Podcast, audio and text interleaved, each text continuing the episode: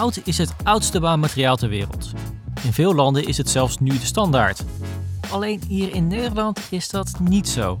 Volgens de laatste cijfers maakt houtbouw slechts 2% van de nieuwbouw uit.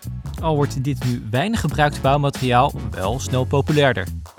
Mijn naam is Quintin Wierenga en in deze aflevering van Meer dan een huis, een podcastserie van Eders, hebben we het over hout. Is dit oudste bouwmateriaal ter wereld dé manier van woningbouw voor de toekomst? Daar praat ik over met Irma Thijssen van de Rijksdienst voor Ondernemend Nederland. En met Stefan van Schijk, directeur-bestuurder bij woningcorporatie Wooncompagnie. En ik begin bij hem. We staan in een buitenwijk van Monnikendam bij een gebouw dat in een rap tempo aan het verrijzen is. Het is vier verdiepingen hoog en bestaat uit tientallen appartementen. Het is bouwvak, dus we kijken door de hekken van het afgesloten bouwterrein heen. En Stefan vertelt wat wij hier zien. Kijken naar het project MDAM in Monnikendam. Uh, dat is uh, een, een, van de eerste uh, op deze schaal gebouwde volledig houten woongebouwen. Het bestaat uit 62 woningen, waarvan 20 sociale huur en 42 koop. en deze woningen worden in, in een fabriek gemaakt. die komen per vrachtwagen aan en worden hier op de bouwplaats alleen nog maar gestapeld en, en afgewerkt. Dus voor jouw beeldvorming, we staan hier nu in, midden in de bouwvak.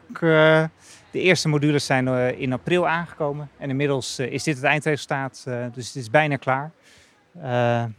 ja, een module lijkt dan een beetje op een container, moet ik dat voor me zien?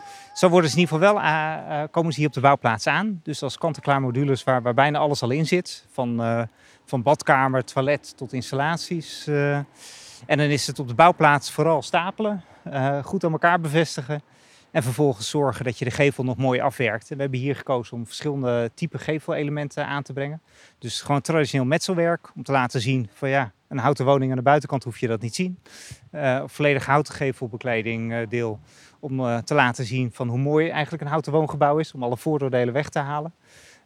En met zink, uh, met aluminiumplaten, gevelbekleding, die moeten nog overigens op. zodat je een mooie variatie hebt van wat er allemaal mogelijk is binnen, binnen dit concept. Ik zie inderdaad die houten platen en dan denk ik van ja, dat heeft echt die houten uitstraling. Ik zie ook die bakstenen en dan denk ik van ja, dat is inderdaad gewoon bakstenen. Maar van binnen is dat wel degelijk ook hout. Ja, van, van binnen. Ja, en hier kunnen we het een beetje zien als we zo langs deze boom kijken. Ja dan zien we dat die, de, de binnenwanden zijn volledig van hout met een lichte whitewash erover. Uh, behalve bijvoorbeeld de, die wand waar we nu op afkijken, daar zie je de gipselementen. Nou, dat zijn wat wanden die in de, in de woning staan, die de bewoner zelf uh, naar een eigen smaak kan bekleden met, met, behang of verven. Want het is natuurlijk niet de, bedoeling dat je de houten gevelelementen, de, de, de, de binnenwanden uiteindelijk van een verflaagje voorziet. Want daarmee pak je het in. En dan ben je kwijt wat juist de bedoeling is van een volledig houten woongebouw. Ademend hout. Yes.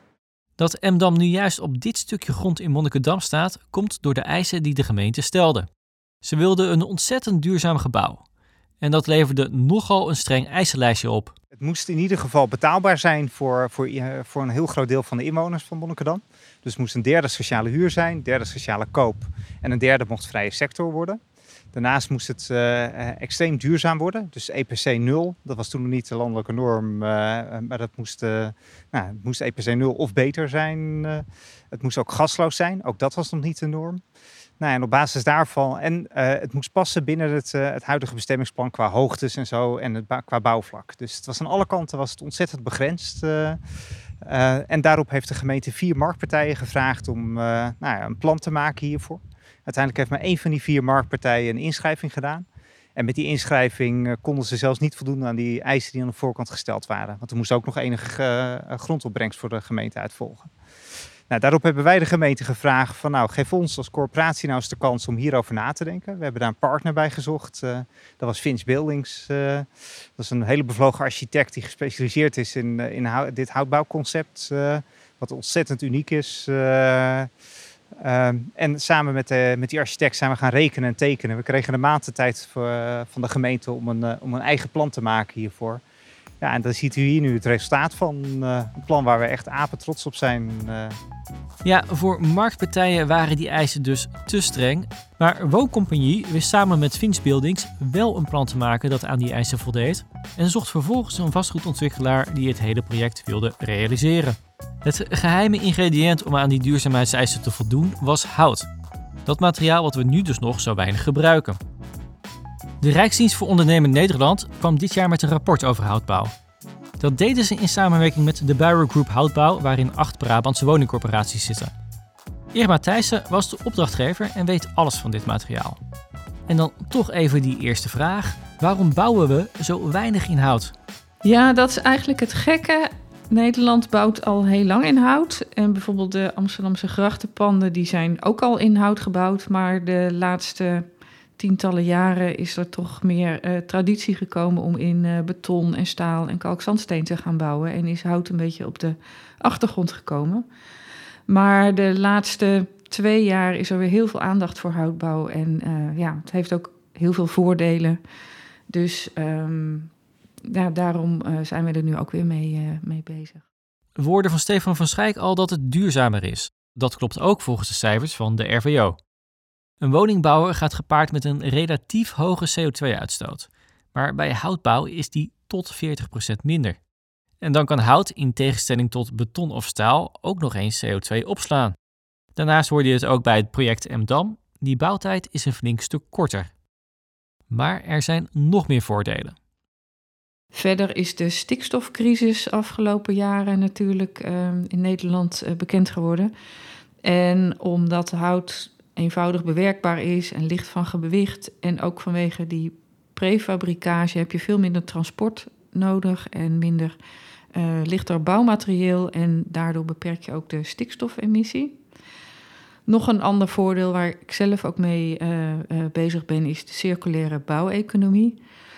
En we hebben ook te maken natuurlijk met de uh, grote schaarste in primaire grondstoffen en zijn op zoek naar hernieuwbare bouwmaterialen. Nou, een hout is natuurlijk het ultieme hernieuwbare bouwmateriaal. En als laatste, en die is eigenlijk misschien ook wel bijzonder en was voor mezelf ook een eye-opener, is dat je door in hout te bouwen ook uh, duurzaam bosbeheer stimuleert. Ja, want hoe doe je dat dan? Um, nou ja, de, en dan heb je het eigenlijk over Europees hout vooral. Uh, in Nederland hebben we zo'n 10% van onze grond is uh, bos. En dat is dan voor het grootste deel recreatiebos en deels ook particulier bos. Dus er is eigenlijk van die 10% ook maar weer minder dan 10% productiebos. Dus als je het hebt over opschaling van houtbouw in Nederland, dan moet je denken aan uh, hout uit andere Europese landen. Dus Scandinavië, Polen, Duitsland, Frankrijk, Oostenrijk. Daar komt eigenlijk meeste van ons hout vandaan. En daar groeit eigenlijk heel veel productiehout wat nog lang niet allemaal geoogst wordt. Dus daar kan je uh, heel veel van gebruiken. Dat is toch opmerkelijk, want mij is ook verteld dat er een tekort is aan alle bouwmaterialen, waaronder ook hout. Um, ja, dat zie je eigenlijk de afgelopen twee jaar, dat er een soort uh, tekort lijkt. En, en er zijn wel meerdere oorzaken voor. Door de coronacrisis is er ook wat minder hout uh, geoogst en geprodu geproduceerd en um, uh, getransporteerd. Dat is allemaal, heeft op een lager pitje gestaan. Er zijn wat kevers die een aantal bossen, met name in Duitsland, hebben aangetast. En ook in uh, Canada. Dus daarom is er wat meer vraag naar Europese hout gekomen. We denken eigenlijk dat daardoor zijn de prijzen ook gestegen. En we denken eigenlijk dat dat tijdelijk is. Die, die, dat, die problematiek van het oogsten en produceren en transporteren, dat geldt eigenlijk voor, uh, voor alle bouwmaterialen. En eigenlijk zijn alle bouwmaterialen ook duurder geworden de afgelopen tijd. En de houtprijzen die zijn nu alweer flink aan dalen. En wie na wil lezen hoe hout zich hierbij tot andere duurzame materialen verhoudt, kan dat checken op de site duurzamebouweconomie.nl van de RVO. Er zijn de nodige voordelen, maar er is ook de nodige scepsis. Vooroordelen dus. En die vooroordelen, die had Stefan van Schijk ook. Dus uh, hoe zit het met brandveiligheid als je een houten huis uh, uh, bouwt? Maar hoe zit het met geluidsoverlast? Dat is natuurlijk ook wel een dingetje voor in onze complexen. We houden er altijd goed rekening mee dat, dat mensen zo ongestoord mogelijk woongenot hebben. maar ook, ook de prijs hoorde je wel heel veel over. Van, van hout is wel een duur materiaal. Kan dat überhaupt? Nou, en gaandeweg zijn al die vooroordelen bij mij weggenomen. Brandveiligheid, uh, bijvoorbeeld, uh, Het is bijna niks brandveiliger dan zo'n concept als dit. Omdat uh, het, het zijn verlijmde houtplaten in verschillende richtingen. En net als als je een, een brand in een bos hebt, uh, wat je dan ziet, is dat vaak die stammen nog staan. Die zijn helemaal zwart geblakerd, maar die staan nog. En dat komt omdat een van de lagen gewoon uh, verbrandt. En dat zorgt meteen voor een, een, stukje brandwerendheid, waardoor het niet verder kan overslaan. Het, de ontwikkeling van brand is ook heel voorspelbaar. Heel anders dan in een betonnen en stalen gebouw. Dat is veel spannender, ook voor de brandweer, om dan, de, dan de brand onder controle te krijgen. Nou, hier is heel goed te bedenken hoe de brand zich ontwikkelt. Dus die brandveiligheid was al heel snel geen issue meer. Voor, voor dat geluidsoverlast, uh, het mooie is dat het losse modules zijn, waarmee je ook de akoestiek heel goed daartussen kan oplossen, tussen die twee akoestische, uh, die afzonderlijke modules. Uh, en daar is hier ook voor gekozen. Waarmee het uh, voldoet aan alle uh, akoestische eisen die eraan te stellen Dus als zijn. ik een muziekje draai, hebben de buren daar niet zo heel snel last van? Nee, nee als het goed is niet. Uh, en ik hoop dat dat heel snel bevestigd te krijgen als we opleveren. Missen we nog één vooroordeel? Het is duurder dan traditionele bouw. Nou, ook dat klopt niet, zegt Irma Thijssen. Als je kijkt naar woningbouw, dan um, als je het hebt over een houten constructie waar de meeste CO2-winst in zit, de, de, de houtprijs is eigenlijk maar een heel klein deel van de hele uh, bouwkosten of stichtingskosten. Want je hebt natuurlijk de grondprijzen die heel hoog zijn. En um, ja, woningen staan 50 jaar, 100 jaar. En de houtprijs voor de constructie is eigenlijk maar zo'n heel klein deel van dat geheel. Dat valt eigenlijk weg. En we hebben trouwens voor die rapportage hebben wij een uh, uh, onderzoek laten doen naar bouwkosten. En er is een benchmark gedaan van zo'n 20 houtbouwprojecten in houtskeletbouw. En die zijn vergeleken met 200 uh, traditionele bouwprojecten. En dan zie je dat houtskeletbouw zelfs ietsje goedkoper is dan um, traditionele bouwmethoden. Ja, want dat is ook een van de voordelen over houtbouw. Het is duurder dan traditionele soorten bouw. Ja, ja. nou dat, dat komt dus eigenlijk niet uit ons onderzoek. En een voorwaarde wel is dat je dan wel begint met een ontwerp ook in houtbouw. Of tegenwoordig zijn er ook een, een uh, aantal modulebouwers die uh, modulewoningen in de aanbouw hebben, in de aanbieding hebben.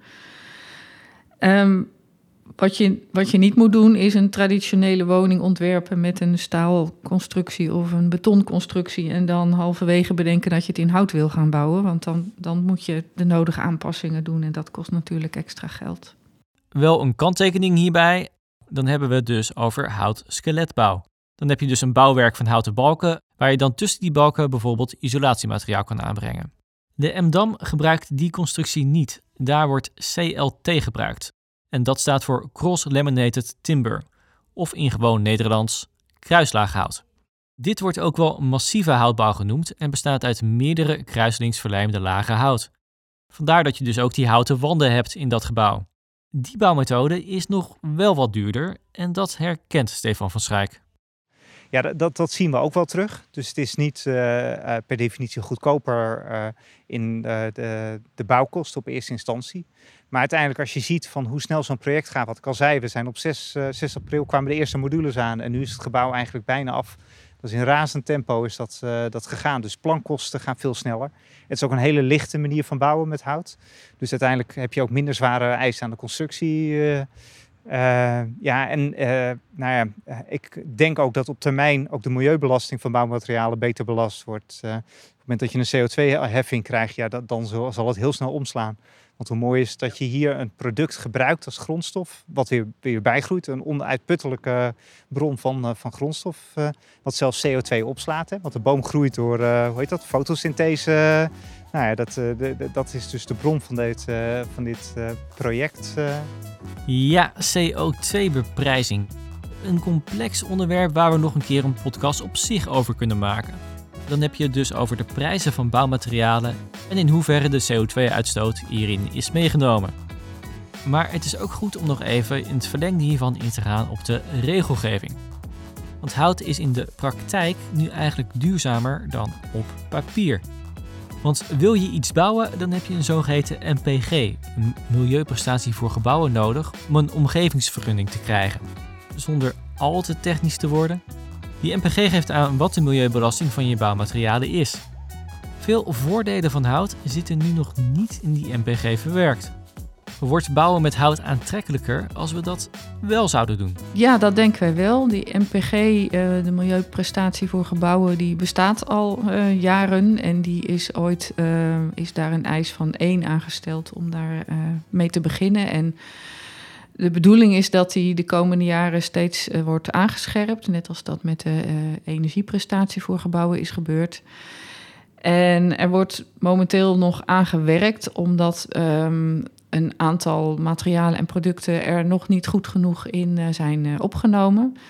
Dus dat geldt ook voor hout, maar het geldt ook voor andere biobased materialen en ook voor hergebruik van materialen. Hè. Dus de, de, inzet van secundaire materialen zit er ook nog niet helemaal in opgenomen. En wat hout betreft zit uh, de CO2-opslag nog niet in de meet- en rekenmethodiek reken, opgenomen. En het ministerie van Binnenlandse Zaken die, uh, is daarmee bezig om dat aan te passen. Ik weet nog niet precies wanneer dat klaar kan, gaat zijn en hoe dat er dan uitziet. Maar de bedoeling is wel dat die MPG in de uh, komende jaren wordt aangescherpt. En um, ja, dat hout dan daar gunstiger in komt. Zitten we nog met één curieus punt het is tot nu toe vrijwel een Hosanna-verhaal over hout. Toch is nu nog maar dus 2% van de nieuwbouw in dit materiaal. Dat is wel een beetje vreemd. Nou, ik, denk dat het nu in een rap tempo ook anders zal gaan. Uh, ik denk dat er echt snelheid gemaakt wordt. Ik zie mooie voorbeelden. Bijvoorbeeld uh, in de corporatiesector hebben we een corporatie in Limburg die het ontzettend goed doet. wonen Limburg. Nou, onze collega in Alkmaar, dus wat dichter bij huis, Woonwaard, uh, die doet veel. Partion, die, uh, die doet ook de, het nodige op het gebied van houtbouw. Uh, dus ik zie genoeg voorbeelden. Het komt nu allemaal op gang. Dus ja, dat is misschien net als met de elektrische auto's, waar mensen aan het begin dachten van ja, dat gaat nooit stormlopen. Ik heb, ik heb één keer een elektrische auto gezien. Ja, als je nu om je heen kijkt, je ziet ze af en aanrijden. En de infrastructuur wordt daarmee ook steeds beter. De productieprocessen worden beter. dus nou, dat, dat, voorzie ik eigenlijk ook, uh, ook voor dit soort concepten. En voor wooncompagnie wordt houtbouw de standaard? Ja, een terechte vraag. En ik stel me die ook uh, van wanneer je eigenlijk de keuze maakt om te zeggen het is hout tenzij. Uh, en die keuze heb ik nu op dit moment nog niet gemaakt. En dat, en dat zit hem in die praktische dingen als hoe zorg je dat je nou tot reële kosten komt. dat je daadwerkelijk nog sociale business case erop kan maken. Dus daarvoor is hij te generiek om nu die uitspraak te doen. Ehm, uh, maar, maar, dat moment komt een keer. Voor mij was bijvoorbeeld de uitspraak die de rechter deed in een zaak tegen Shell. Was wel zo'n bevestiging van ja, je hebt als bedrijf heb je ook een eigen verantwoordelijkheid. En nog los van uiteindelijk wat wet en regelgeving je voorschrijven. Maar je hebt ook gewoon een, uh, een verantwoordelijkheid uh, om, om zelf alles eraan te doen om je CO2-belasting terug te brengen. Nou, dus ik vraag me af, dat moment, dat komt een keer. En voor mijn gevoel zit dat niet heel ver weg. Voor nu bekijkt Wooncompagnie het dus nog per project. Maar wie weet wat de toekomst brengt. Dit was het voor deze aflevering van Meer dan een huis, een podcastserie van Edes. Mijn naam is Quinty Wierenga en heb je nog niet alle afleveringen van deze serie geluisterd? Ga dan naar de website van Edes of zoek ze op in je favoriete podcast app.